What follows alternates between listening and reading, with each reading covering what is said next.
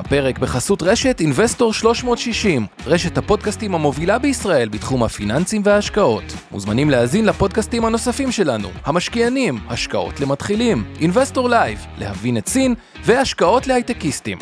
הופק ונערך על ידי שמע, פודקאסטים ויצירות סאונד.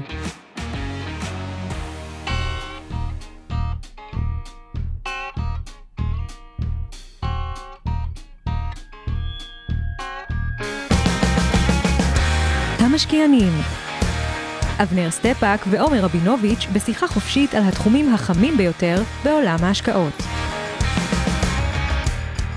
כן, אז שלום לכולם, ואנחנו היום עושים פודקאסט שלדעתי הוא אחד מהיותר מעניינים שיהיו, כי הוא מדבר על החברות הגדולות, שהם כולנו צרכנים שלהם, כולנו שמענו עליהם, כולנו מושקעים בהם, זה לא משנה אם זה דרך הקופת גמל, המחקה S&P בצורה אה, ישירה. הן גם נותנות את הטון בבורסה, ילך להם טוב, ימשיכו עליות כנראה, ילך להם רע, בעיה. Uh, והעולם הזה של החברות הגדולות פלוס נייס, הזווית הישראלית שהזכרנו, כי היא גם קצת קצורה לנושאי ה-AI, אה, עובר מהפכה.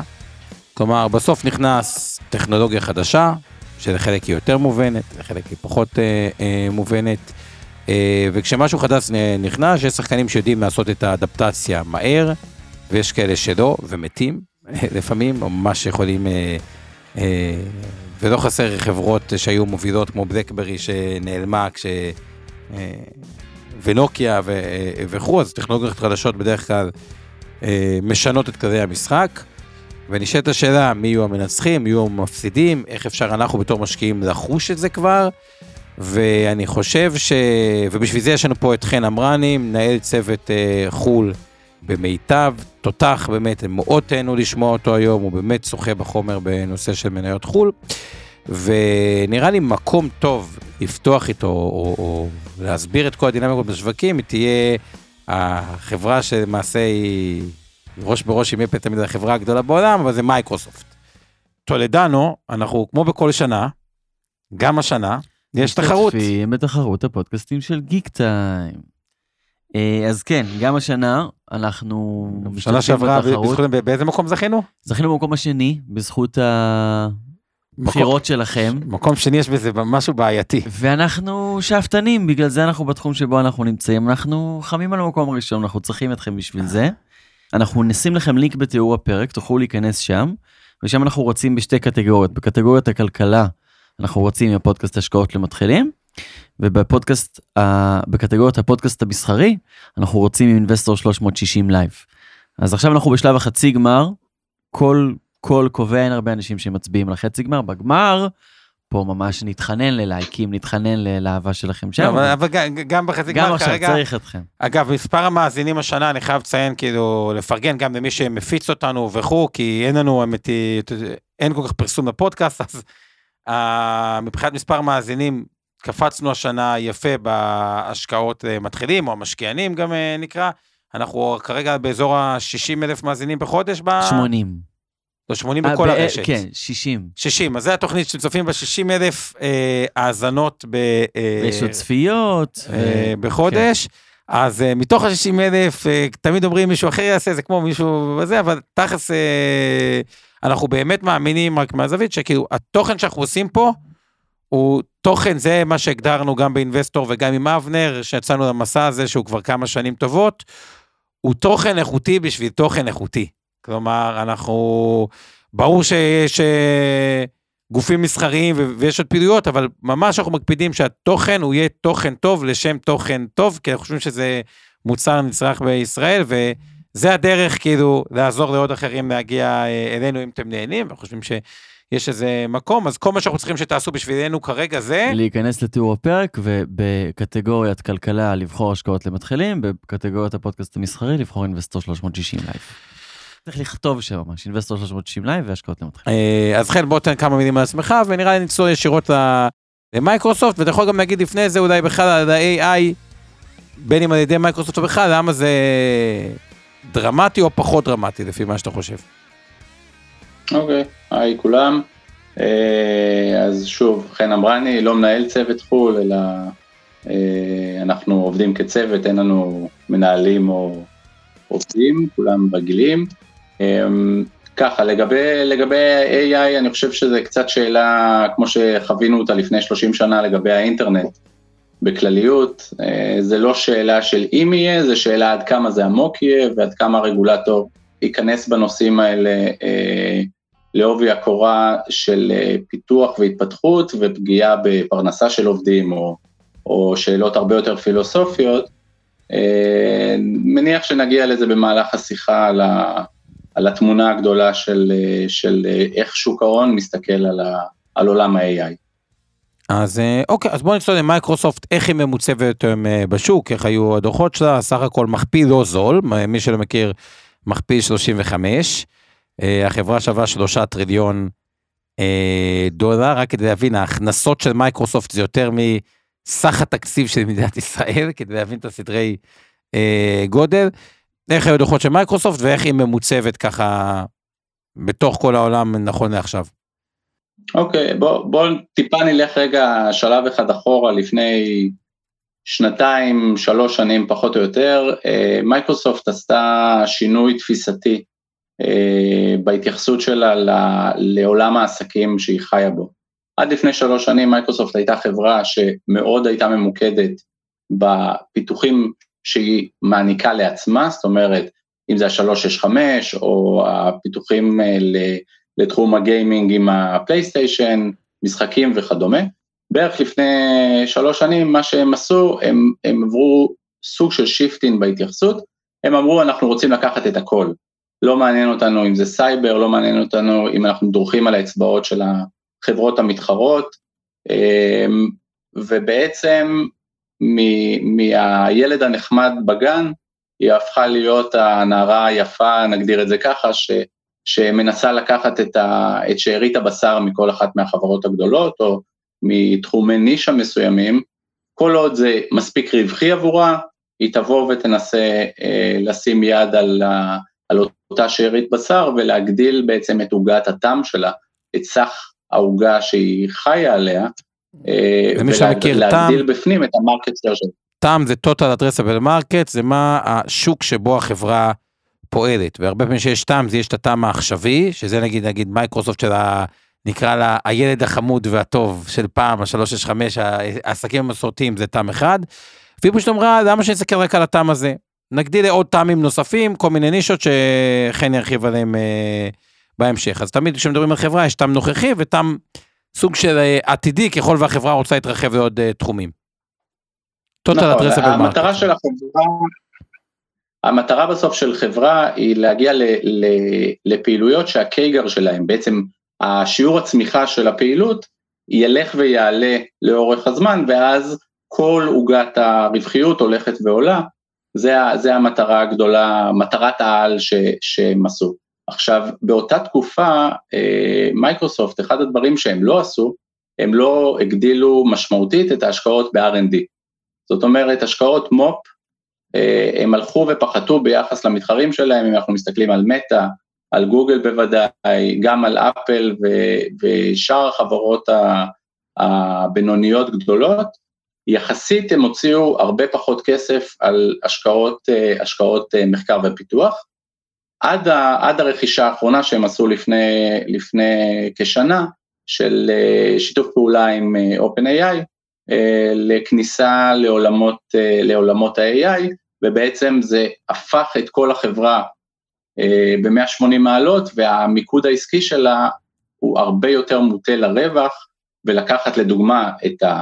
AWS שהיה עולם ה cloud הגדול של אמזון, והם דר, דרך אג'ור באו והראו שהשימושים שלהם הם הרבה יותר רווחיים על הלקוחות שיעבדו איתם, מה שישפר להם משמעותית את ה-EPS, את הרווח למניה, בשנים הקרובות.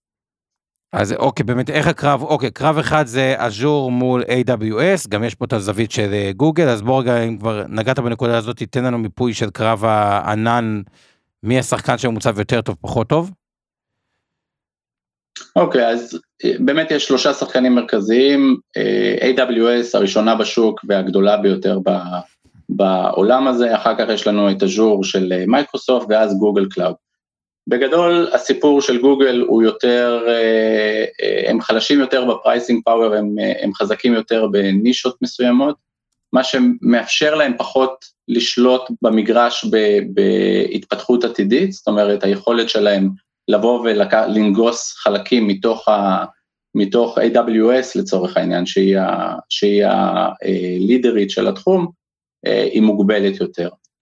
הכניסה של אג'ור לתוך, ה, לתוך, לשילוב עם, אה, עם ה-AI של OpenAI, אה, אפשר להם פשוט לנגוס בנתחים, בעיקר בחברות סטארט-אפים אה, וחברות טכנולוגיה שרצו להגיע הרבה יותר מהר אל השוק, לנגוס בנתח גדול יותר מהלקוחות החדשים, וכמובן יהיה גם לא מעט בעתיד מלחמות שיבואו גם מצד פיתוחים ש-AWS אה, יקיימו, ובשביל זה יש להם שיתוף פעולה מאוד הדוק עם אה, NVIDIA, שהיא מספקת את, ה, את השבבים החשובים ללימוד המכונה.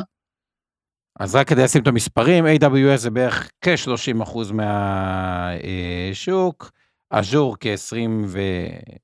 תלוי מתי סופרים, אבל איפשהו בין 23 ל-5, וגוגל הרבה מאחור רק עם 11, ביחד הם 65% מהשוק. אה, נכון. אז רגע, אוקיי, אתה אומר במיצוב הזה, אז תן טיפה, כי גם יש פה את הקרב צ'יפים וזה, אז תרחיב עוד טיפה על הנקודה, כאילו, מי מוצבת יותר לצמוח, כי זה גם נקודה ממש חשובה לגבי ההמשך. כרגע חד משמעית, כל עוד אה, AWS וגוגל לא, לא יעניקו מלחמה ב, ביכולות AI, הסיפור הגדול הוא כאן מייקרוסופט. מייקרוסופט בסופו של דבר היא תמיד היא תמיד אה, מראה לשוק שהיא לוקחת את, ה, את התחומים הנישתיים, אם זה לדוגמה DevOps עם GitHub, שזה חברה בת שלהם היום, בעבר היה הקישוריות לתוך, ה, לתוך ה-Cloud, היא מבוצעת על ידי מערכות שיודעות כל הזמן להיכנס, להיכנס למערכת, להיכנס בעצם לענן ולהעביר את המידע מבלי שמספר יוזרים במערכת של, ה, של הלקוח אה, יפגעו אחד לשני בשירות. זה, ראינו את זה בעבר, אם זה היה ב-365 אה, לעסקים, אה, היכולת היא מאוד חשובה שהמערכת לא תפגע בין ה users, ואז ראינו לצורך העניין את הפלטפורמה של, שפועלת על האנדרואיד לצורך העניין, עם, אה, עם אה, חברה בשם GitLab שהיא חברה ציבורית, ממשיכה לעבוד בדרך הרגילה, בזמן שמייקרוסופט אמרה, אין בעיה, אני לוקחת את הפעילות של GitHub אליי, והלקוחות יעבדו רק עם הפלטפורמה שלי. זאת אומרת, הם יודעים לבוא, לחתוך את ה middleman, בעולמות האלה, זאת אומרת, ה middleman לצורך העניין זה GitHub ו GitLab. למי שלא מכיר תסביר, אה, כי לא כולם הייטק, אז תסביר רק GitHub, GitHub, כאילו מה הם בדיוק עושות. בסוף זה ה user שנכנס אל תוך, ה, אל תוך הענן. זאת אומרת, עסק לצורך העניין, ניקח חברת אה, רכב שמחזיקה 5,000 עובדים שצריכים לעבוד על הענן, אה, הקישוריות בין, ה, בין הענן לעסק מבוצע על ידי, על ידי uh, תהליך שנקרא DevOps, שזה מחבר את, ה, את שני הצדדים. זאת אומרת, את צד הענן מצד אחד ובצד השני את החברה, כדי שלא יהיו כפילויות או שלא יהיו טעויות uh, של מחיקת קבצים או יצירת uh, בעיות ב, בתהליך העבודה העסקי, כדי שהכל, תהליך הזרימה יהיה הרבה יותר נקי ו, ופתוח. אוקיי, אז איך מייקרוסופט, כאילו, מה היא עושה שכאילו מעניק את היתרון התחרותי, כאילו, בעולמות האלה של ה... בסופו של דבר, סיפור ה-AI זה איזה דברים אני יכול לקבל ממערכת שיחסכו לי זמן או משאבים. אה, אם אני זוכר נכון, ראיתי איזשהו מחקר שהראו שהזמן הממוצע של מתכנת שמרוויח דרך אה, פלטפורמות AI אה, ב Copilot, מעריכים אותו באזור השישה אחוז. עכשיו, בסופו של דבר נניח שמערכת כזאת תעלה 100 דולר בחודש, זאת אומרת ה Copilot של אה, מייקרוסופט, וזה יחסוך ל- לעסק ממוצע 6% של שכר מהנדס אה, בעולם, אז אנחנו מבינים שהחיסכ... שהעלות היא זניחה ביחס לזמן החיסכון של, של, של מהנדס אמריקאי שנע נניח באזור 7,000 דולר, העלויות הן יחסית זניחות ביחס למה שאני מקבל כנגד זה. אה, אה, מה, מאותה הוצאה, ואז אנחנו מבינים שה, שהצמיחה בקו-פיילוט היא תהיה אקספוננציאלית, זאת אומרת, בואו נעשה סדר בקו-פיילוט מה זה בדיוק, כי גם זה לא כולם מכירים. אוקיי, הקו-פיילוט אומר אה, מעין מערכת AI שעוזרת ללקוח, לדוגמה, אה, אני עושה המון פעולות מאוד uh, טריוויאליות בעבודה שלי, נכנס לאימייל, כותב קוד תוכנה או כל דבר שהוא שקשור ל, לרוטינה של העבודה, אם יהיה מישהו שיוכל לעשות לי את כל הרוטינה הזאת ולחסוך לי להתעסק ממש בכתיבת קוד, תיקון קוד או כל דבר שהוא, אני בעצם הפרודוקטיביות שלי תלך ותעלה בצורה משמעותית. נכון, אז זה בדיוק החברה, זה, זה זה כמו שחברה ישראלית פיתחה את הזה שכותב לך מייל באנגלית טובה, שזה איך הם נקראים, אה, יש את מתחרה ישראלית, אז אותו דבר ה Copilot, וזה אני גם עשיתי סקר מתכנתים, עד כמה הם אה, לקוחות שלנו, עד כמה הם משתמשים ב Copilot של מייקרוסופט, או, ב, או ב ChatGPT שיחזור, אז יש תגובות כאלה ויש תגובות כאלה. אבל חלק חזרו תקשיב, זה חוסך לי זמן, זה מייעל אותי, כאילו, אני עושה בזה שימוש, וגם חלק יותר סקפטיים. נקודת ההנחה שלי, שגם אם יש סקפטיים, ככל שיעבור הזמן וזה ישתפר, בסופו של דבר זה יעלה את היעילות של המתכנת, ה...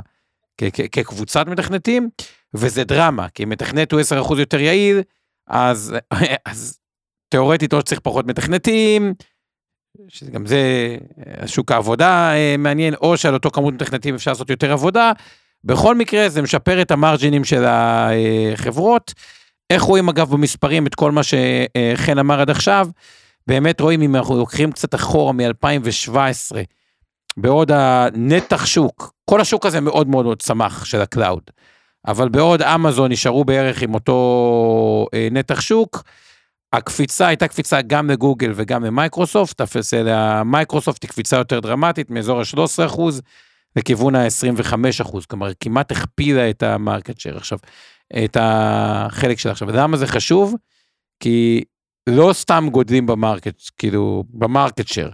זה אומר שכנראה יש משהו טוב מאחורי זה, צריך לציין שגם uh, גוגל קצת גדלה ב market share, אה, מי שממש קרסה זה IBM, שזה יותר חברות אה, אה, עתיקות וכל השאר.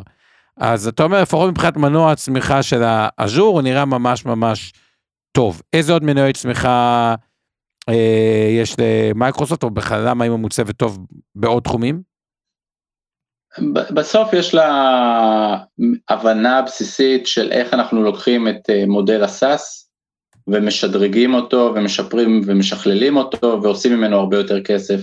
ניקח לדוגמה את הפעילות, אה, פעילות הגיימינג, הם אה, ביצעו לפני אה, כשנה, אולי טיפה יותר, רכישה, של אקטיביז'ן, חברת משחקים אחת מהגדולות בארצות הברית, בעלת יכולת או בעלת IP מאוד חזק, זאת אומרת, כותרים שהיו לה בעבר היא נחשבת ברמה הגבוהה ביותר.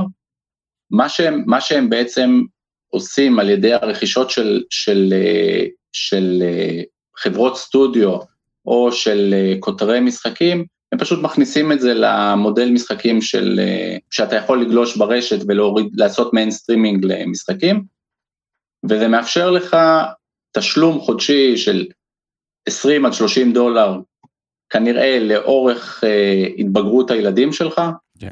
וזה הכנסה שהיא מאוד סטיקי. בדיוק, מי שלא אומרת... מכיר את זה אגב, את האקטיביז'ן, אז שישאל את הילדים שלו מה זה Call of Duty, או רום, או עוד כל מיני משחקים שהילדים שלכם אה, יסבירו לכם אה, טוב מאוד, או שאתם לא מכירים את המשחקים, אבל אתם מכירים את המנוי שאתם משלמים. בדיוק, אז התשלום, מה, ש, מה שמאוד יפה במודל החדש, חדש ישן של הסאס, שהוא נכנס גם ל... לעולם הגיימינג, שהוא פשוט באמת כמעט ואין יציאה ממנו, זאת אומרת שיעור הלקוחות החוזרים הוא מאוד מאוד גבוה, מעל 95 אחוז, זאת אומרת, once לקוח נכנס ושילם את המנוי של נניח 25 דולר, כנראה שייקח הרבה מאוד זמן של תשלומים כאלה של 25 דולר, עד שהוא יחליט לצאת ממנו, שזה כנראה שהילדים יתגייסו לצבא או או יתחילו לימודים ו... וגם הפרייסינג פאוור הוא מאוד חזק, בדרך כלל אף אחד לא עוזב את זה בשביל, נגיד העלו עשרה אחוז, אז זה שתיים וחצי דולר, מי, אף אחד לא עוזב את זה בגלל שהעלו לו עוד שתיים וחצי דולר במנוי gaming, כאילו, אז זה גם בדרך כלל פלטפורמות עם יחסית pricing power מאוד מאוד חזק. ולצורך העניין, עסק כמו מייקרוסופט, הוא לא צריך להביא עוד עובדי sales, עובדי מכירה, עבור פעילות כזאת. כי, כי once הוא נכנס, זה הולך איתך עד הסוף, אולי נגיע גם לאפל אחר כך, מי, ש, מי שמשלם על חבילת אה, אה, מקום, על תוספת מקום על הפלאפון, הוא לא יתחיל לעבוד וימחק הרבה יותר אה, תמונות, הוא פשוט רק ילך ויגדיל את החבילות ככל שהזמן יעבור, וזאת אומרת שהתשלום השוטף הוא רק ילך ויעלה ככל שהזמן אה, יעבור ללקוח. אוקיי, אז רק כדי לשים את זה במספרים, לראות את תהליך השיפור, אז באמת רואים נגיד אם ב-2017 זה היה, אה, הגיימינג היה חייל איזה 9 מיליארד, 2022 זה כבר 16 מיליארד אה, דולר, אני מזכיר, זה מתוך מכירות של מייקרוסופט, מתוך איזה 200 אה, וקצת מיליארד, אז זה, זה עדיין מהווה כזה, זה לא רוב הרווח שלהם, אבל זה כבר סגמנט שהוא מהותי, וזה סגמנט שאתה צופה לו די שיצמח, נכון? אני צודק, כאילו, אין פה... זה אפילו ילך ו...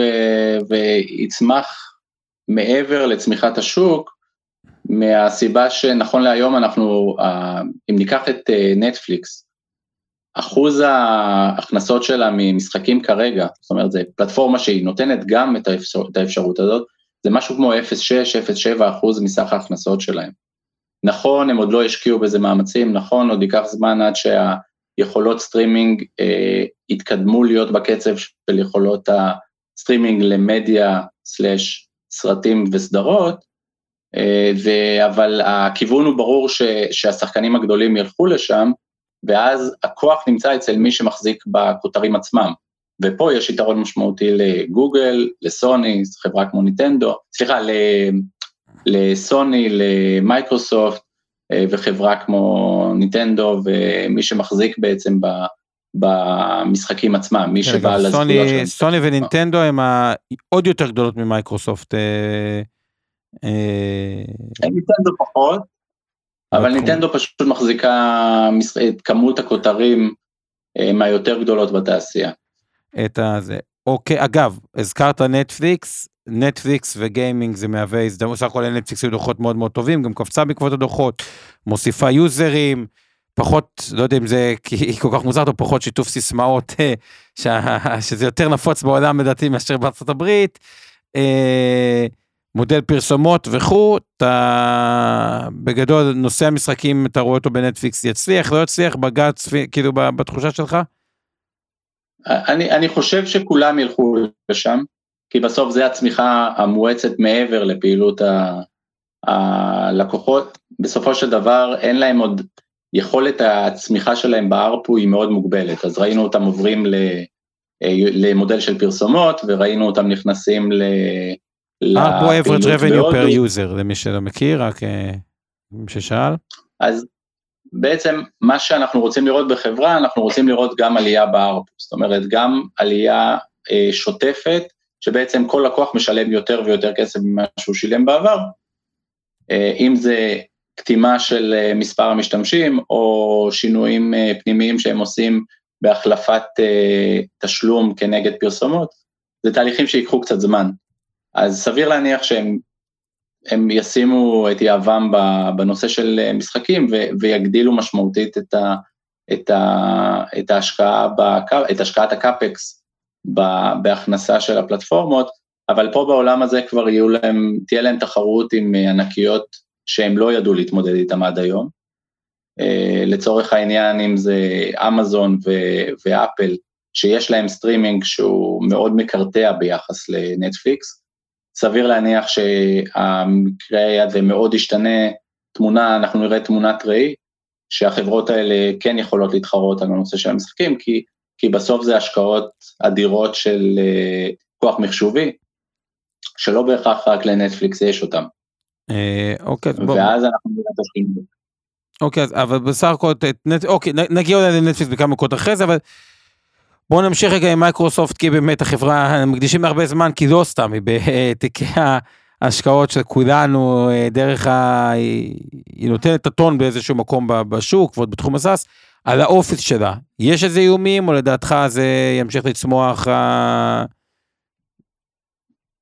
איך שאתה... נכון, נכון להיום אין איום, אין איום שאנחנו רואים אותו בעיניים, זאת אומרת אני לא רואה איזשהו ענק חדש שבא ונותן לי אלטרנטיבה ל-365 או לכל מה שהאופיס מעניק לי, אבל, אבל, אנחנו כן ראינו בשנים האחרונות אה, מספר איומים שהיו כנגד גוגל, ואני לא חושב שהיינו, שאנחנו צריכים לפסול את, ה, את העובדה שהיום גוגל היא שחקנית ריטל מוחלט, זאת אומרת, הלקוחות שלהם אה, לקוחות ריטל, אם זה ביוטיוב, אם זה אה, בחיפושים, אה, עסקים פחות משתמשים בפלטפורמה, וה, והיכולות המחשוביות הן שם, יש להם את ה cloud, יש להם את, ה, את, ה, את ה Sheets, את, ה, את האלטרנטיבה ל-365, כל מה שהם צריכים לעשות זה רק לדעת לחבר את הכל לעסקים ולתת את זה במחיר שהוא יהיה נמוך מהאלטרנטיבה של מייקרוסופט, זה תהליך שיעלה להם לא מעט כסף, אבל הוא לא תהליך שאנחנו צריכים להיות, אנחנו לא נהיה בטוחים שהם לא יעשו אותו בשנים הקרובות ויביאו עוד מקור צמיחה, כי אנחנו מבינים שיש לא מעט תחרות שתגיע לגוגל, אז, אז כן יכולה להיות, להיווצר תחרות בעולם הזה, זה אבל לא משהו שנכון לעכשיו הוא קיים, או היא קיימת. אז אה, אוקיי, אני חייב לציין אפילו בתוך ארגון שאני חווה בעצמי, איכשהו פעם היינו בגוגל הרי נותנים מוצר טוב, והגוגל אה, נקרא לזה אה, וידאו חינמי, אבל איכשהו שאתה עושה תהליכים ארגוניים, כל היועצי IT וזה, כולם רגילים לסביבת Outlook, ואז גורמים לך תשים Teams, ואז אתה נהפך להיות שבוי של מייקרוסופט, זה גם קרה באינבסטור, אז אתה מוצא את עצמך, ויותר קל עם אותה אה, מערכת, אז סך הכל, מייקרוסופט, אם אנחנו רוצים אה, לסכם אותה, כל המנויים נראים, כאילו יש משהו מהזווית שאתה רוצה להגיד מילה לגבי הדוחות הכספיים? הצמיחה, הצמיחה שלהם היא פנומנלית, אתה יודע, אם ניקח אפילו גרף של 20 שנה של אה, עליית ה-EPS של אה, מייקרוסופט, זאת אחת מחברות אה, הדגל של, של העולם המערבי, אין בזה בכלל ספק. היא לא זולה, זאת אומרת, PE שלה הוא לא נמוך, הוא אזור ה-35, 35 אם אני לא טועה. נכון, 35. אמור לצמוח בערך. לא, אבל אם אתה מסתכל על ה-PE ל-2026 זה כבר 26, וזה סביר, כלומר, הם צופים גידול של 30 אחוז ברווח בשנתיים הקרובות, ואז זה כבר לא כזה נראה נורא. כלומר, הם צמחו בממוצע... זה, בש... זה לא מעט, אבל צריך לזכור לגבי מייקרוסופט שלא אה, תפתיע, לא יפתיע אותך עם כל תיק שתראה אותו, אתה תראה שם מניה של מייקרוסופט. יפה, זאת אומרת, הנייר הוא מה שנקרא מאוד crowded. אז, אז בוא. גם, אה, אוקיי, בסופו של דבר... הנושא של crowded, רק כדי להסביר לכולם, אז תראו, תחשבו על זה שמייקרוסופט היא חברה טובה, אבל זה גם לא סוד שהיא חברה טובה. זה אומר שכולם שם, הקרנות נאמר, כאילו גם דרך המדדים, אבל מעבר למדדים, הרבה גם קנו מייקרוסופט בלי קשר, בתיק השקעות שלהם האישי בתור retail, מנהלי קרן הגידור, מנהלי קרנות נאמנות. זה אומר שככל שהיא מבצעת יותר טוב, פתאום הפרופורציה שלה בתוך התיק, היא נהפכת למאוד מאוד גדולה. עכשיו, שזה נייר כמו אינווידיה, שחלק מהשחקנים היו בו וחלק מהשחקנים לא היו בו, אז זה גורם למצב שמי שלא היה בו חייב לקנות אותו, כי הוא מפחד להיות האחרון בלי, ובעצם הוא לא רוצה לעשות תשואת חסר.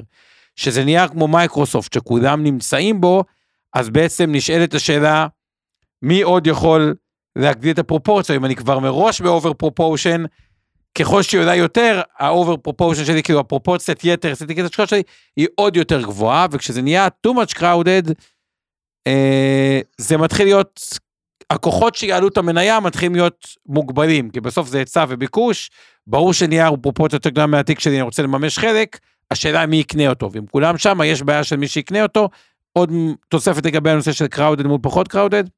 אז באמת מייקרוסופט כמו שאמרת היא, היא נייר שהוא מאוד crowded והיכולת של הפתעה היא הולכת ופוחתת ככל שה, שנכנסים יותר שחקנים לשוק. זאת אומרת, ההשפעה של הפתעה חיובית, נניח סתם לצורך העניין, השפעה חיובית של חמישה אחוז מעל, מעל אה, תחזיות האנליסטים.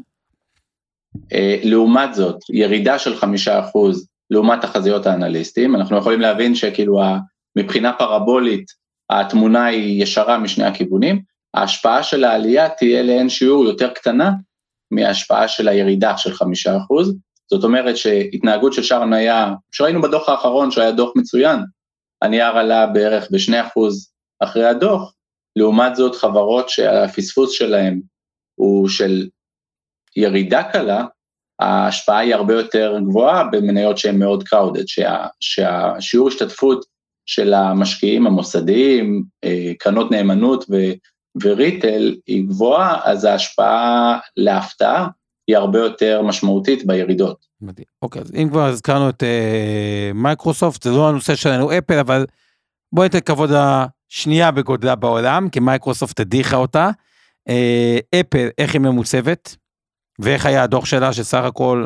אפל בסך הכל היא חברה שלא מאכזבת בהרבה מובנים, אה, וגם אין סיבה שהיא תאכזב, זאת אומרת, יש לה, יש לה נקודות תורפה שאנחנו יודעים אותן, שהיא בעיקר הסיפור בסין.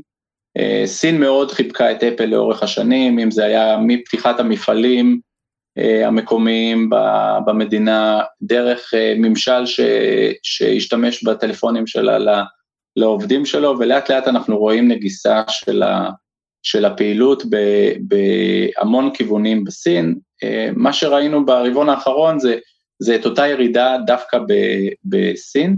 אמ, לצורך העניין, המנכ"ל עדכן לפני כמה חודשים, שאת המפעלים, את פתיחת המפעלים החדשים הוא בכלל מעתיק להודו, על ידי חברה שתלווה שהיא חברה סינית. זאת אומרת, הם מבינים שהשוק יגדל עכשיו בעיקר ב-EM שהוא מגיע מהודו, הם אה, בערך רבע מהמפעלים אמורים לעבור, קווי הייצור אמורים לעבור למדינה, וחלק מאוד משמעותי מהצמיחה יגיע משם. הבעיה שהמחיר הממוצע של מכשיר של אפל הוא מאוד משמעותי במדינה שה, שההכנסה הממוצעת לנפש היא הרבה יותר נמוכה, ואז, ואז יש עם זה בעיה. לגבי כל יתר הפעילויות שלה, בסך הכל המספרים היו טובים, אם זה בסרוויס, גם ב margin שהם יצרו וגם בצמיחה. אה, ה service, אבל זה, הסיפור שהרבה מדברים עליו באפל, אז אם אתה יכול להרחיב טיפה על נושא ה service, למה הוא כזה big deal? כי כאילו, בניגוד לפעילות של. אה, שאר הפעילויות שזה יותר למכור product, ה service הוא יותר אה, מה שנקרא recurring revenue, גם שולי רווח יותר גבוהים, אז מה, קודם כל מה זה, להסביר לכולם, ולמה זה כזה דרמטי. אוקיי. Okay. סרוויס כולל המון פעילויות, אבל בואו רגע ניקח את זה צעד אחד אחורה ונשאל, כשאני קונה אה, פלאפון של אפל, המחשבה הבסיסית שקניתי לעצמי מוצר, מוצר מותרות. הוא לא מכשיר זול, גם אם אני אמריקאי שמשתכר 70 או 80 אלף דולר, זאת אומרת העלות שלו היא, היא לא מבוטלת, אה, אבל הם, בתפיסה האמריקאית, ההחזקה של אה, מוצר של אפל, הוא במובן מסוים מוצר שהוא staples, הוא לא מותרות, הוא הצד ההפוך שלו, מוצר שהוא חובה לכל אחד. אה, אני אתן את זה כדוגמה, הבת שלי בפל, מחזיקה במכשיר סלולרי של אפל, ממה שאני מבין ממנה, בערך 15% מחזיקים אנדרואיד בשכבה שלה. זאת אומרת, זה הפך להיות... זה מטורף, אני הייתי בבית קפה פעם, נגמר לי ה... נגמר לי הפלאפון לטעינה, עכשיו אתה לא יכול לסדר בי זה, כי אתה, אתה, אני אפילו לא יכול להיכנס לאוטו בלי היום. הפלאפון, כי זה, הכי זה כאילו הפלאפון, ואתה שואל את המצרים, למישהו יש מתן, כאילו, אפשר מתן אה, אנדרואיד? ולאף אחד אין אנדרואיד. כולם זה אפל, זה מטורף, הדור הצעיר זה כאילו ממש חזק אצלם, בניגוד אגב לדור שלנו שהוא יותר, אה, עדיין אנדרואיד הוא המוביל, שזה אגב, מאוד חיובי מבחינת אפל, כי להחליף פלאפון מאפל לפלאפון אחר, אני לא רואה את זה קורה בקלות אצל אה, חבר'ה צעירים. לגמרי, זאת אומרת, תשלם לילד כסף, הוא לא באמת אה, יתייחס לזה ברצינות, מבחינתו הדבר החשוב ביותר הוא, ה, הוא השמירה על, ה, על התמונות שלו, למרות שהוא יכול להעביר אותם, ועל השמירה על, ה, על הפלטפורמות שיש לו שם. עכשיו, לצורך העניין, הדבר הזה הוא קושר אותי לתוך החברה שקוראים לה אפל. Once נכנסתי למוצר הזה, אני משתמש בהרבה יותר פעילויות משיקות. אחת הפעילויות שיש להם היא כל הנושא של הסרוויס. זה מי, אם הורדתי משחק מחשב, אה, דרך iOS, לא משחק מחשב, משחק לפלאפון, למובייל, כשהורדתי אותו ל-AWS, אה, אפל גוזרת בערך 30% מההכנסה של המשחק. שזה הוויכוח המטורף שהיה עם פורטנייט. בדיוק, זה היה הסיפור המפורסם עם, ה, עם התביעה של טנסנט אה, אה, עם חברת הבת אפיק כנגד אפל, שהיא אותה מהחנות מה, משחקים שלה, ואנדרואיד רק הרוויחה מזה, אבל ברמת העיקרון אין אלטרנטיבות. זאת אומרת, היום אני לא יכול לפתוח חנות, אה, חנות נוספת בפלטפורמה של אפל, גם באנדרואיד זה סיפור מאוד בעייתי, יש, יש שיתופי פעולה ש, שגוגל שעומדת מאחורי אנדרואיד, מאחורי החנות של אנדרואיד, אה, רוצה לסגור עם, עם סמסונג, אבל זה הכל משחקי התחכמות בשביל להראות לרגולטור שעושים משהו, זה לא באמת משנה את, ה, כלומר, את, ה, את הסיפור. עכשיו הנקודה היא כזאת שפשוט ה-30 אחוז הזה שהם גובים מפורטנייט הוא יורד די לשורת הרווח, כלומר זה פעילות בניגוד ללבנות אייפון, להפיק את כל הדברים שזה פעילות יקרה, זה לשורת הרווח, זה פעילות יותר רווחית, ומה שאנחנו רואים בחמש שנים האחרונות, ששולי הרווח של אפל עלו מ-23, אה, שזה הממוצע בחמש שנים, כלומר זה עלה אפילו יותר, כי זה, זה הממוצע בחמש שנים, היום זה 26. עכשיו הנושא הזה של שיפור אחוזי רווח זה דרמטי, כי כל 2.6 שיפור ברווח, שזה בדיוק מה שקרה לנו, זה עוד 10% לרווח בלי להגדיל את, ה, את ההכנסה. ובעצם ככל שפעילות כמו ה services לוקחת נתח יותר גדול, שולי הרווח אה, משתפרים, וככל שאדם זה יהיה נכון להגיד, אגב, גם לגבי אפל וגם לגבי מייקרוסופט, ועוד מעט נעבור לקרב הענקיות מטא וגוגל, אבל זה נכון להגיד לגבי שניהם, ככל שהעולם הופך להיות יותר קישורי, כלומר, עם האייפון היום אפילו יותר חשוב לבן אדם מהאייפון לפני חמש שנים, כי יושבים עליו הרבה יותר דבר, כאילו, נבנו הרבה יותר דברים שהם קישוריים אליו, כלומר, לעזוב את אייפון זה לעזוב את אייפון פלוס את כל הדברים הקישוריים אליו. לעזוב את מייקרוסופט זה לעבוד סביבת עבודה שהיא כבר מאוד, מת, ככל שההתממשקות או הקישוריות יותר גבוהה, ככה יותר קשה לעזוב מוצר קיים. חד משמעית, זאת אומרת, גם אם הצמיחה ב top line, צמיחת ההכנסות של אה, אפל תהיה 2, 3, 5 אחוז לצורך העניין, year over year, משנה לשנה, עדיין הקשר שהם מקבלים דרך פעילויות אחרות, שזה יכול להיות ה services, זה יכול להיות המשקפיים החדשים שהם השיקו לאחרונה. לצור... רק, רק בשביל לסבר את האוזן, ההזמנות המוקדמות לפני שהמשקפיים יצאו, הם היו לשבעה וחצי מיליארד דולר הכנסות מוקדמות של אנשים שלא יודעים מתי הם יקבלו את המשקפיים. ואנחנו מדברים לא על uh, פריט שולי שאין לנו על מה לבזבז, אנחנו מדברים על עלות ראשונית של 3,500 דולר, וכנראה כל התוספים, כל, כל ה accessories הנוספים, ינועו באזור ה-800 עד 1,000 דולר. זאת אומרת, לקוח ממוצע יוציא כתשלום לאפל 4,500 דולר, אנחנו מבינים שזה סכום שהוא לא מבוטל, רק בשביל שיהיה לו את המשקפיים שהם הכי מגניבים, שאפשר לשחק איתם, ו, והם מאוד שונים אגב מהמשקפיים של מטא, גם מבחינה טכנולוגית וגם מבחינת היכולות, ואת השיק שיש לאפל, זה משהו שאי אפשר לקחת לה. זאת אומרת, היא תמיד במקום הנכון, בצורה הנכונה, הילדים וה, ומובילי דעת קהל אוהבים את הסיפור שלה, כמעט כל המלחמות שהיא עשתה, היא הייתה הראשונה בהן, הפעם המשקפיים זה פעם ראשונה שהיא נכנסת למלחמה על טריטוריה שהיא לא הייתה הראשונה בה, זאת אומרת, מטה הייתה הראשונה שנכנסה אה, לתחום של אה, משקפי AR/VR, אבל כבר אנחנו רואים בכמה ימים אחרי שזה הושק, שהאיכות הטכנולוגית כאן היא לאין שיעור יותר גבוהה, הממשקים ש, שנקבל מהם הם הרבה יותר אה, איכותיים וטייט, כאילו מאוד, אה, מאוד מתאימים ל, ללקוח, וכמובן שגם ההכנסות שהם יקבלו בשוטף מלקוח שישלם להם סדר גודל של 30 דולר על, ה, על השימוש בפלטפורמה, ילכו ויעלו ככל שהזמן יעבור. אז אולי נסביר, אולי רק נסביר את הנושא של אפל services יותר טוב שיבינו את זה, אז כמו שיש אפל פיי ואפל מיוזיק ואפל ארקייד ואפל טיווי ואפל וואן, זה סוג הדברים, ושתבינו את ההכנסות, עלה משלושה מיליארד ל-22 מיליארד, ולפעילויות עם שולי רווח יותר גבוהים. קיצר, אם אנחנו מסכמים את אפל, כי אנחנו חייבים לעבור לקרב הענקים, מטה גוגל, שאחת אה, ירדה אחרי הדוחות ואחת טסה אחרי הדוחות, אז נבין מה קרה שם, אבל אפל היא פשוט חברה טובה מאוד. יש סיבה שוורן באפט זה חלק גדול מהתיק ההשקעות שלו, למעשה מי שקונה ברקשייר היום סוג של קונה אפל גם כנגזרת, כי היא פשוט חברה טובה שגם על אותו בסיס הכנסה בגלל הסרוויסיס, כאילו יש לה שולי רווח טיפה עולים, מכפיל לא מאוד זול 28, אבל גם לא מאוד מאוד יקר בהתחשב בזה שנראה שכן אה, יש לה מנועי צמיחה אם כי אה, איטיים, לצורך העניין על 2026 היא כבר במכפיל 2024.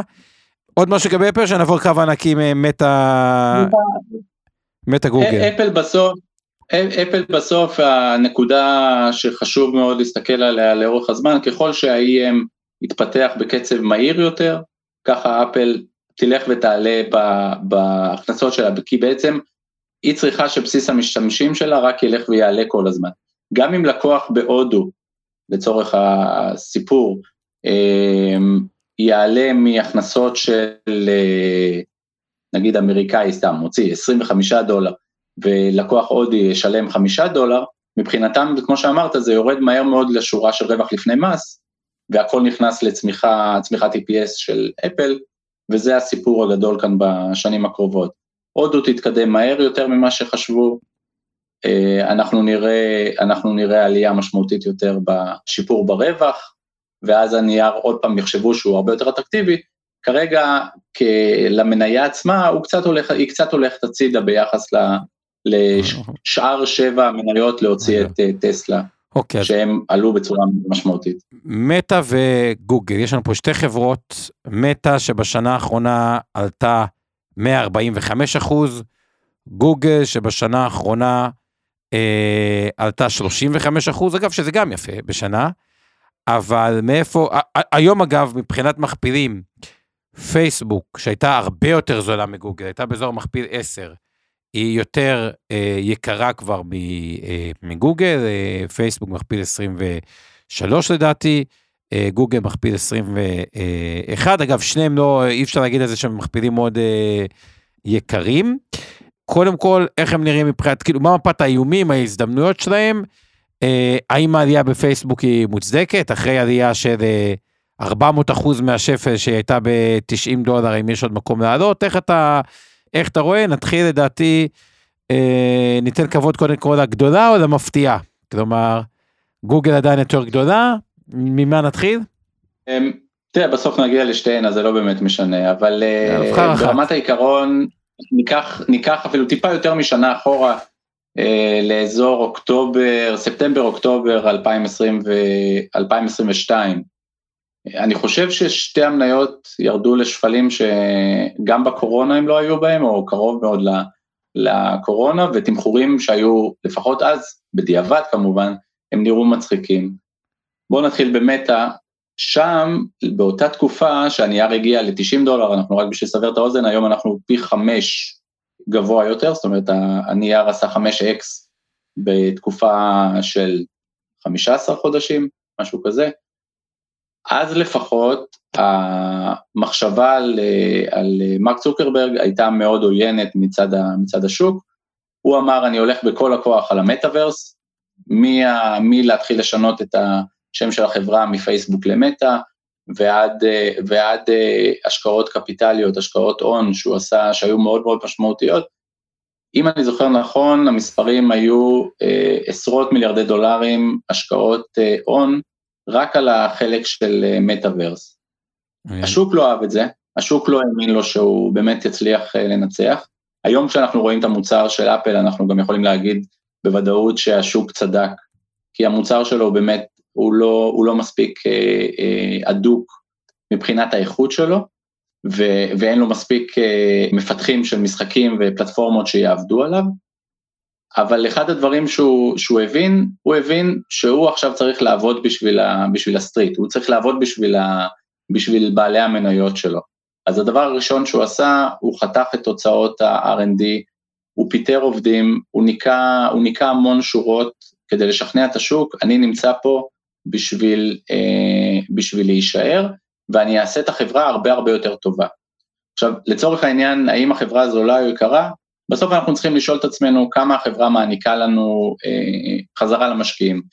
נכון להיום היא אזור ה-4%, זה מהחלקים היותר גבוהים שיש לנו במניות הגבוהות, ממניות החברות הטכנולוגיה, זאת אומרת, זה בעצם ה-free cash flow, כמה כסף החברה מייצרת ביחס ל...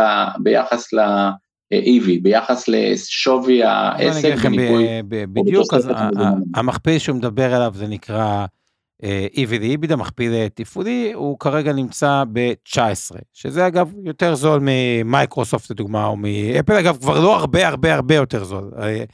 היה הרבה יותר זול, כרגע היא פשוט מאוד uh, עלתה. אגב, גם לגבי הרע שאמרת מקודם, אז רק כדי לשים את הפרופורציה, אז ה-R&D בפייסבוק, כדי לשים את זה במספרים, הוא 36 מיליארד, 37 כמעט מיליארד דולר, מתוך הכנסות של 137. אז אנחנו מדברים שה-R&D הוא ממש נתח משמעותי, 25 אה, אחוז, במייקרוסופט הוא 10 אחוז, כדי להבין עד איזה פער ב-R&D מתוך ההכנסות, כלומר, מייקרוסופט מכניסה יותר, ולמרות שהיא מכניסה יותר, עדיין האבסולוטית גם ההוצאות R&D במייקרוסופט הן יותר נמוכות מההוצאות R&D ב... אה, במטא, מה שאומר שלמטא יש המון הוצאות R&D, מה שאומר שני דברים, או שיש להם פיתוחים עתידיים טובים, או שגם יש להם מקום להתייעלות, כלומר, גם זה וגם זה בשורה טובה מבחינתם. אבל עדיין, 5x על הכסף, מה, מה, מה קרה שהשוק פתאום...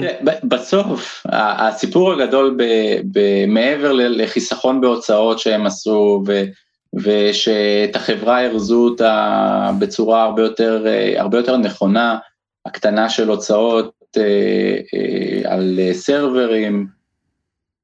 היכולת של מטא היום לדעת עלינו הלקוחות של הדברים, היא לאין שיעור יותר טובה מכל חברה אחרת. זאת אומרת, מייקרוסופט יודעת עלינו נישות מסוימות, יודעת עלינו בעבודה מה אנחנו עושים, יודעת איך אפשר לייעל אותנו, יודעת אולי על הרצון שלנו לשחק במשחקי מחשב, היא לא יודעת עלינו את הכל. אנחנו נמצאים, אנחנו קמים בבוקר, בשעה שאנחנו קמים וכשאנחנו הולכים לישון, מטא מלווה אותנו לכל אורך היום. היא מלווה אותנו בפייסבוק, היא מלווה אותנו ברילס, היא מלווה אותנו אה, בוואטסאפ ובכל פלטפורמה שקיימת. אגב, הזכרת שתי דברים, אפרופו רילס, יש את uh, טראמפ, שהוא לא ידוע כאהוב במיוחד של הסינים, שזה טיק טוק, ונקודה נוספת לגבי וואטסאפ, תשמע, נכס מדהים, אבל כרגע הם לא מייצרים ממנו הרבה. אתה רואה שם הזדמנות, כי כשאומרים לי מטא, אומרים לי, תשמע, רשתות חברתיות אחלה, בוא, אה, מוואטסאפ יודעים לייצר אה, כסף, אה, מעריף, כאילו, יש גם את ה marketplace שחלקנו מכירים, שזה סוג של מתחרה באמזון, אפרופו הגדולות נכנסות אחת לשנייה, אבל זה ממש לא ב scale-ים של אמזון, כלומר, דווקא מהפעילות שלה היא לא ליבה. יש לך איזשהו input מעניין לתת לנו? זה, זה הרבה דברים שהם רוצים לעשות, זה הרבה דברים שהם יעשו, ואנחנו נראה את ה... סביר להניח שאנחנו נראה את הרווחיות שלה הולכת ועולה, את, ה, את השיעור הרווח ביחס לשאר המניה ילך ויעלה. כי יש להם, כמו שאמרת, אם זה הסיפור של רילס, הם היום היחידים בשוק הזה מעבר לטיק טוק, יש גם את השורטס של, של יוטיוב, אבל הרילס הוא, הוא מה שצובר תאוצה. ההכנסות שלו כרגע הן אפסיות, וברור לנו שאפשרות של אה, טראמפ עולה לשלטון, או לפחות עושה רעשים שהוא, שהוא רוצה להוציא את הפלטפורמה של טיק טוק מארצות הברית, אנחנו מדברים כאן על, אה, על אה, לקוח חדש שרק מחכה להיכנס כתחליף. וכמוה יש לנו את, ה, את, את הסיפור של אקס וטסלה ואילון מאסק, שאנחנו מבינים שהוא מאבד אה, כמות גדולה של משתמשים, ויש לנו את האלטרנטיבה של, אה, של אה, מטא כתחליף. זאת אומרת, נכון להיום לא כל התותחים יורים במטא, ציינת את, את, את הוואטסאפ, ציינת את הרילס, ההכנסות שלהם הן יחסית נמוכות, ו, וברור שחמש שנים מהיום הסיפור הוא ייראה הרבה הרבה יותר טוב כלפיהם, ונוסיף לזה עוד דבר אחד, ש... היכולת שלהם להחליף מוצרים ולהשתדרג היא הרבה יותר גבוהה, אם זה לדוגמה דרך וואטסאפ שנעשה את הקניות, קניות לבית, קניות e-commerce. או פלטפורמות של העברת כספים שהיום אפשר לעשות אותם בביט או בפיי או בגוגל פיי, יהיה אפשרות, תהיה אפשרות לעשות את זה גם באמצעות פלטפורמות של כן, זה, זה מה שמנסים לעשות בהודו בעצם. זה הדברים שהם עושים היום אה, בשיתוף הפעולה שיש להם עם חברה בשם ג'יו, של, אה, ששייכת לתאגיד ענק אה, הודי בשם ריליינס, ואנחנו נראה יותר ויותר דברים שדרך מדינות עולם שלישי מריצים אותם, בעצם עושים מעין בדיקות, לראות שהדברים עובדים ואין תקלות מבחינה רגולטורית או מבחינת מבחינת הציבור, ואז, ואז הם יעברו למערב. זה קצת דומה לסיפור שיש בסין עם הקרב אה, בין אלי אקספרס לטנסנט במגה אפס שלהם, שבעצם בן אדם מהבוקר עד הערב נמצא רק באפליקציה אחת שנותנת לו את כל מה שהוא צריך במהלך. היום, כמו שאמרתי. אז בשביל לסכם, בשביל לסכם את מטא, כרגע השוק פחות מפחד, ובצדק, כי רואה בסוף, המספר משתמשים לא צונח, להפך, הוא מטפס. אה, גם ה-daily users, גם ה-monthly users, כאילו יש שם צמיחה. ואנחנו מדברים על מספרי עתק, כאילו, כאילו זה כמעט כל העולם, כאילו, עדיין זה מי שרלוונטי. הגרופס הוא מייצר את זה שזה פלטפורמה יותר ניטרלית, נקרא לזה, של הרבה קונטנט איכותי, גם דרך הקהילות שחלקנו נמצאים שם בתוך הפייסבוק. אה, כל מיני דברים שעדיין פוטנציאל לא ממומש, ואת כל זה מקבלים מכפיל 23, כלומר ברמה התיאורטית, גם אחרי שהיא עלתה פי 5, לא נראה, נראה יקר. לעומת זאת, אה, אלא אם כן אתה רוצה להוסיף משהו, בוא נדבר, כי, כי בגוגל כן יש איומים. אז בואו רגע נסכם את נושא פייסבוק מבחינתך, ונעבור לאיומים על גוגל, שגם ראינו מטה קפצה, גוגל ירדה אחרי הדוחות. כן, חד משמעית הסיפור בגוגל הוא שונה, הוא שונה מאוד מהסיפור במטה, כי מטא היא נמצאת על קו הזינוק, והזינוק הוא, הוא נראה נקי יחסית, בזמן שבגוגל אה, היא כבר תפסה market share מאוד משמעותי, אם זה בחיפוש למשל, שהמספרים ממנו יהיה להם קשה לשמר אותם בחלק של הפרסומות. אם אנחנו לוקחים בפרסומות, אה, בחיפוש, שבעבר היא הייתה 93 אחוז היא הגיעה בשיא מסך, מסך אה, פלטפורמות החיפוש, גוגל dot com לצורך העניין, המספרים כבר מתחילים לרדת מתחת ל-90 אחוז, אמצע ה-80. כן, גוגל retain רשום 83 מה global market, שבינג עלו מ-6 ל-9. וזה לפני, ש... וזה לפני שמייקרוסופט בכלל שמה את הכסף על הנושא הזה. זאת אומרת, יש פה, יש, מייקרוסופט עוד לא התחילה אפילו את המלחמה, כל מה שאנשים גילו זה שמחברים את, ה, את הבינג ל-AI, ואז אמרו, אוקיי, אז אנחנו ניקח יותר פלטפורמות של, אה, נשתמש הרבה יותר בבינג, כי הוא נותן לנו תשובה הרבה יותר מהירה. התחרות ש, שגוגל חווה, היא, היא תלך ותעלה, אבל היא, היא, היא פוגעת בהם פעמיים. פעם אחת כי המספר האבסולוטי של כניסות לאתרים בעקבות חיפוש שביצעתי, הולכת ופוחתת בגלל שה... התשובה שברד לצורך העניין, או שהמנוע חיפוש של בינג נותן לנו, היא הרבה יותר חד-חד ערכית, אז זה מצריך ממני פחות גלישה לאתרים, לאתרים חופפים, ואז אני בעצם משלם פחות על פרסומות, אני פוגע פעמיים בגוגל, פעם אחת בזה שיש לי מתחרה שלוקח לי market share, ובפעם השנייה שיש לי... תן לי, עשיתי את זה ב live, גוגל search market שייר, עשיתי תוך כדי שאנחנו מדברים על זה, מפה הבאתי את הנתון. ובאמת זה כבר לא חיפוש באתרים שצריך להסתכל על כתבות ולהיכנס לאתרים שמרוויחים כסף, אלא פשוט התוצאה של גוגל, so Google still dominates the global search market in 2023. מייקרוספט, נותן לי כבר את התשובה שחיפשתי ואני לא צריך עכשיו ללכת ולדפדף בדפים, מה שאיפה שפעם היה ממומן היום זה פשוט תשובה חד חד ערכית, כאילו. בדיוק, אני הקטנתי את הזמן, את זמן החיפוש, או הזמן שקיבלתי על החיפוש שהשקעתי בקריאה, הוא הולך ופוחת, כי אני מקבל משהו הרבה יותר פשוט, שמורכב אה, מורכב משלוש-ארבע שורות, שנותנות לי כבר תשובה מאוד מוחלטת על מה ששאלתי. ואז הצורך שלי במערכת של גוגל הולכת ותלך ותפחת, ונתון נוסף שהוא חשוב לא פחות, עלות המחשוב, עלות הש... השאילתה שהצבתי למערכת, היא משמעותית אה, יקרה יותר ממה שהייתה בעבר. כי בעבר עבדנו על סרברים סטנדרטיים לצורך העניין, העלות שלהם הייתה אה, קבועה, כרגע מושקע הרבה יותר כוח מחשובי על השאלה ששאלתי, ואז התשובה היא בעצם, זה אומר שהתשובה היא יקרה יותר. אז גם קיבלתי ממנה יותר ערך, אבל ההכנסה שלי בתור גוגל הלכה ופחתה, וגם העלות, אה, עלות, העלות הגולמית שלי הלכה ועלתה. זאת אומרת, הרווחיות של, של גוגל לצורך העניין תלך ותפחת.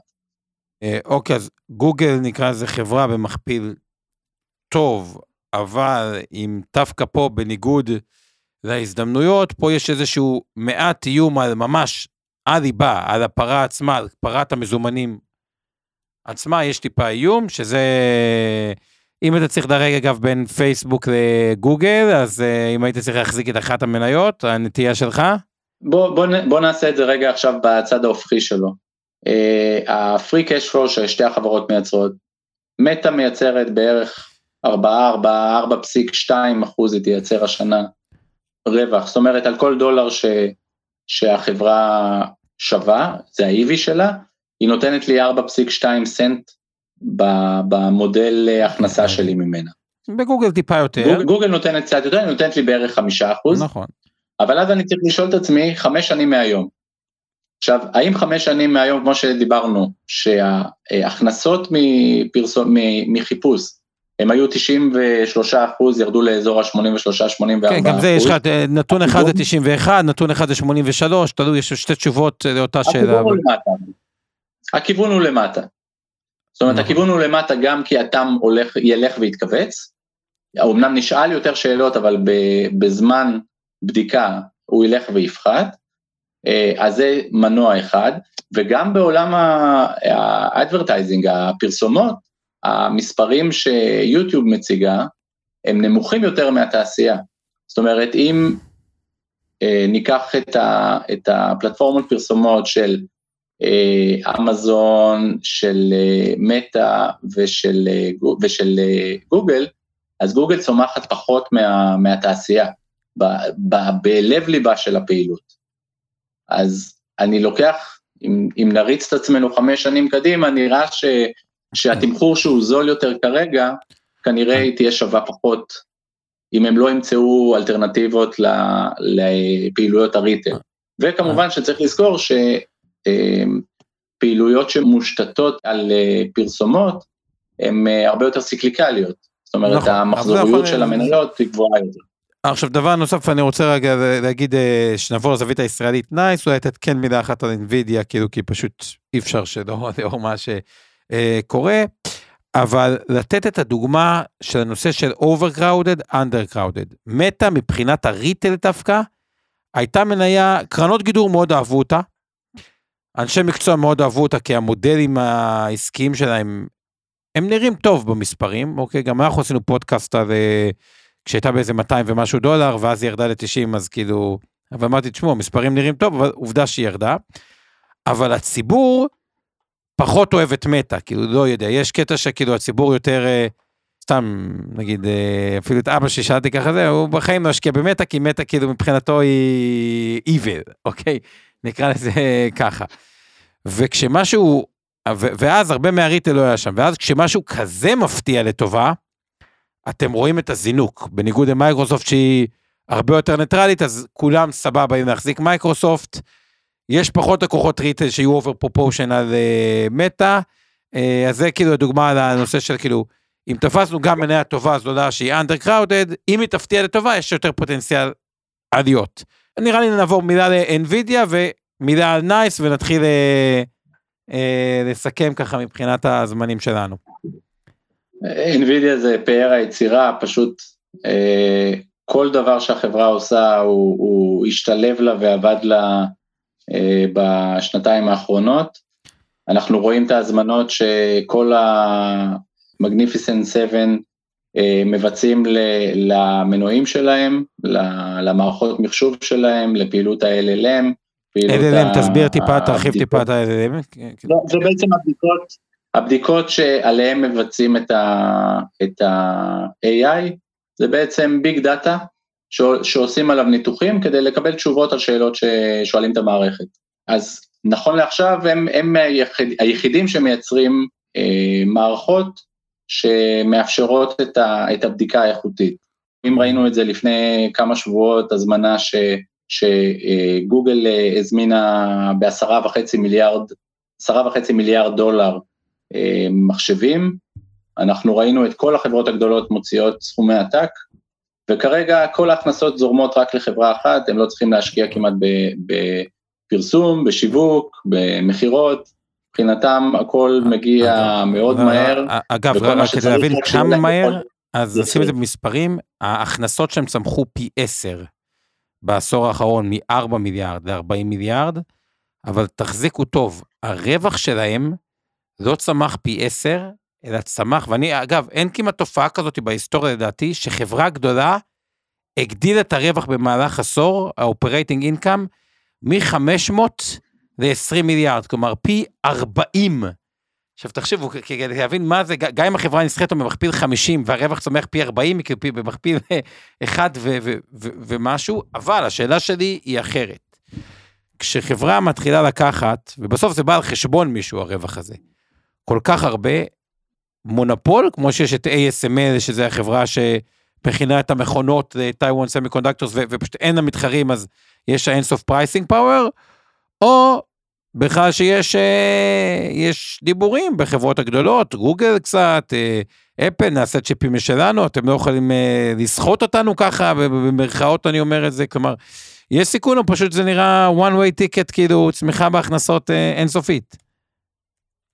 תראה, בשלב שאנחנו נמצאים עכשיו נראה שאין סיכון, והחפיר החזק שלהם, הוא מגיע ממקום אחר קצת, הוא דווקא מגיע מצד התוכנה. היום בשביל שמישהו יחליט לעבוד עם פלטפורמה אחרת, שהיא לא של, של NVIDIA, אני צריך לבוא ולשנות את כל, את כל המבנה, ש, את כל הקוד שכתבתי. זאת אומרת, בשביל, ניקח אה, חברה של, אה, נגיד מחלקה ב-IBM, בשביל שהמחלקה אה, תבצע פעילות AI, בדיקת AI, על, על שאלה שהם רוצים לעשות או על איזה פלטפורמה שהם רוצים לפתח, אני צריך לבוא ולהביא מתכנתים שיכתבו לי קוד שונה על פלטפורמה אחרת. ואז הם אומרים לעצמם, אוקיי, מצד אחד, כן, אני מבינה שה... אנחנו מבינים שההוצאה שלנו היא מאוד גבוהה, זאת אומרת, אם על סרבר ממוצע, נגיד, היה צריך לשלם 5,000 דולר, ואני משלם עליו עכשיו לפי המחיר. שמטה שילמה 30 אלף דולר, אז הרווח הזה מגיע למישהו, כמו שאמרת, שכנראה זאת NVIDIA, האלטרנטיבה שלי, לבוא ולכתוב את כל הקוד מחדש, ואז ללכת אחורה בקצב ההתפתחות שלי, בקצב ההתקדמות שלי, ואז הכדאיות של, ה, של העסק, אומרים, עזבו, נשלם כרגע בשלב הראשון יותר כסף, ברגע שנגיע ל mass market, נגיע לשוק עצמו, אז נעשה, נחסוך ממקורות אחרים. לא נעבוד עם מטא, נעבוד לדוגמה עם הפלטפורמה של AMD. זה ברגע שנגיע, לדוגמה, נרצה להעביר את זה למערכות בדיקה, ל-IoT. קיצר, כרגע, אם אתה מסכם את זה, יש להם חפיר עמוק, בגלל שזה כבר לא רק חומרה, זה חומרה עם תוכנה. אה, אגב, אני מכיר הרבה סטארט-אפים שעובדים על זה וכו', ופשוט זה נראה כאילו, זה על פניו מכפיל גבוה של 56, אבל כשאנחנו מסתכלים על המכפיל העתידי שלהם, ב-2026 פתאום רואים שהמכפיל הוא 27, ווואלה, אם מסתכלים על NVIDIA בעוד שנתיים, 27, מכפיל הוא כבר לא כזה נורא, אבל אי אפשר להגיד שזה, שזה זול. בואו אני אתן לכם, מבחינת הזמנים אנחנו כבר מתחילים uh, להגיע לזה, אבל נייס כדוגמה אולי לעולם ה-AI, כי לדעתי דוגמה מרתקת, אני אתן את הזווית שלי, אני אשמח הזווית שלך. אז ברק עילם באמת דיבר על... נייס uh, הייתה חברה שכאילו היא ירדה מאוד חזק, כי אמרו הולכת להפסיד מ-AI. Uh, ברק אילם בדוחות האחרונים, לא רק שהוא אמר שהם לא יפסידו מ-AI, שהאיבידה שלהם צפוי לעבור את המיליארד דולר לדעתי 2025 או 2026, שזה כאילו צמיחה מאוד מאוד מאוד משמעותית באיבידה, זה כמעט להכפיל את ה... איבידה, והוא בא ואומר את זה, זה הגיע משתי מקומות, אוקיי? מקום אחד זה שאנחנו בעצם יודעים להעניק ללקוחות, כאילו כל הדאטה של הלקוח יושב אצלנו, והרבה רוצים, אה, יש שם איזה תוכנה, CX1, לא ייכנס לזה, שכל הדאטה יישב על פלטפורמה אה, אה, אחת, ולא רק שאנחנו יודעים לעשות את זה, אנחנו גם יודעים אז לתת את השכבה הנוספת של ה-AI, רכשנו חברה נוספת, ואז מה שיקרה, אנחנו גם על בעצם הלקוחות הקיימים שלנו יודעים להוציא יותר כסף, אז זה יגדיל לנו גם את שולי, גם את ההכנסה וגם את שולי הרווח, כלומר נרוויח מ-30% שולי רווח, נעבור ל-35% שולי רווח, וגם ההכנסה תגדל, וגם בחברת AI יש לקוחות שיצטרכו את ה basic של נייס, וגם בגלל שלמתחרים שלנו לאו דווקא יש אה, את ההצעה המשולבת, מה שנקרא המוצר של פעם של ה-call center, או כל דאטה, וגם את ה-AI, אז אנחנו גם לוקחים market share ממתחרים שלנו, והכל נראה ממש טוב, ואגב, צריך להגיד לזכותו של ברק, אה, של ברק מנכ"ל נייס, הוא די עשה delivery למה שהוא עשה עד היום, זה מה שהפך את החברה לגדולה.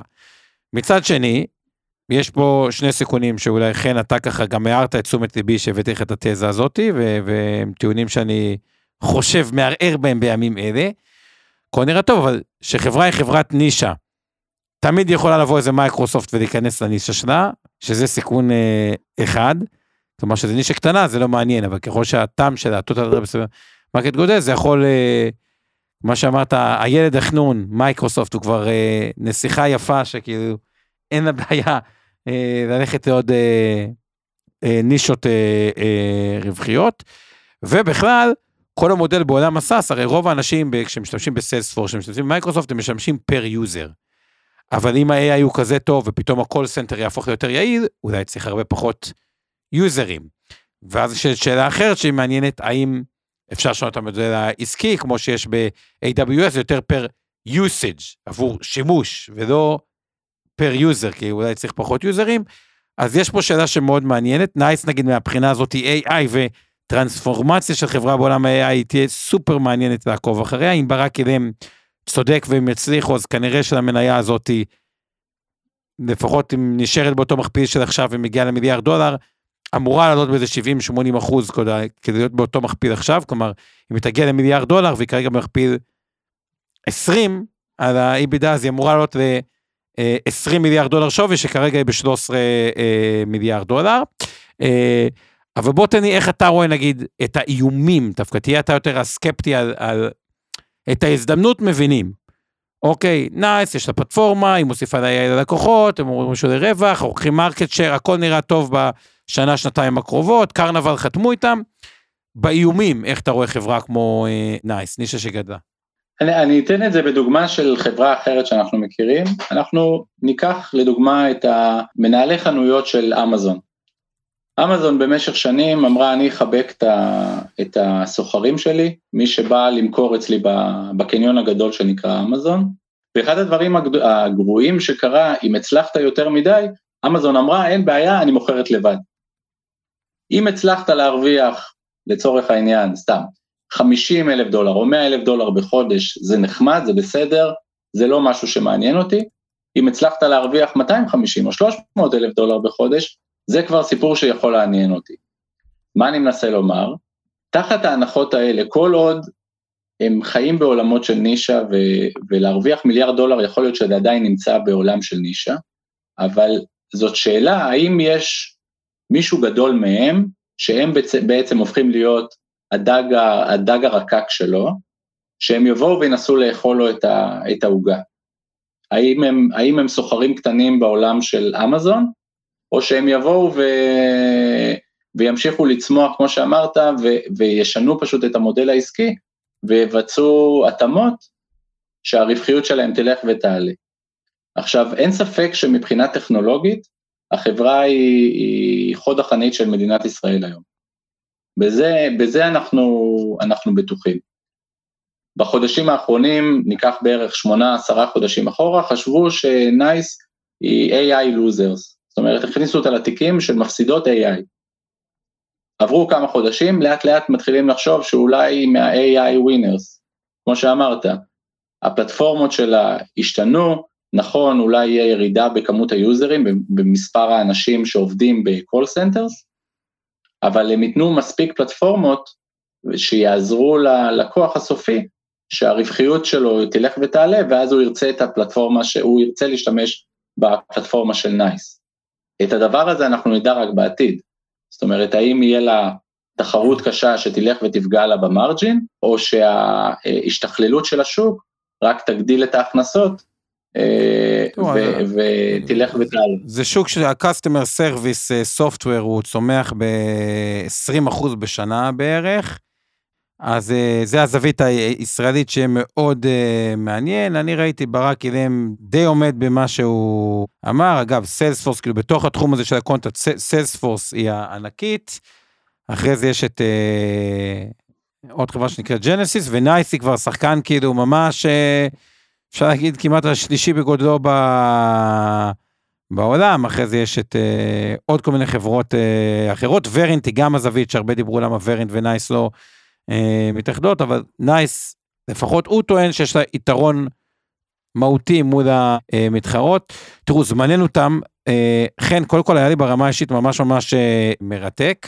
לכתוב שם ממש, אינבסטור 360 live והשקעות למתחילים. אז חן, סופר מעניין על הגדולות.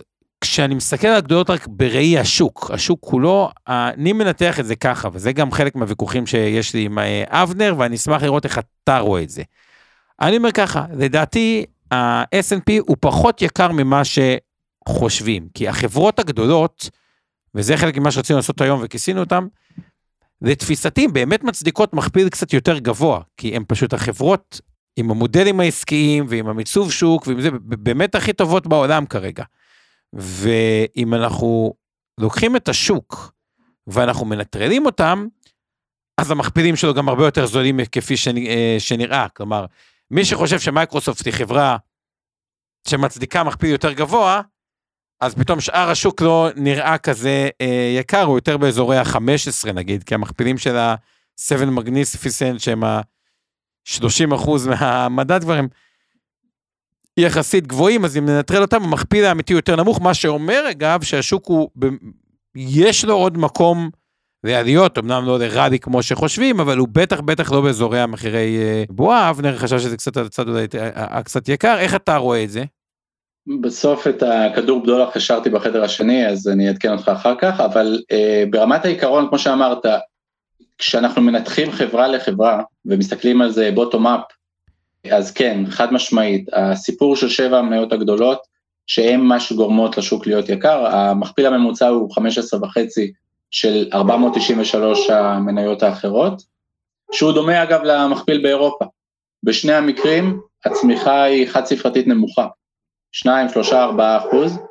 באותן חברות גדולות הצמיחה היא דו ספרתית, השיפורים הם קורים עיר עובר עיר כבר כמה שנים טובות וסביר להניח שחלק לא מבוטל מהם גם ימשיך להיות בשנים הקרובות, ובגלל זה ארה"ב צריכה לקבל מכפיל רווח גבוה יותר.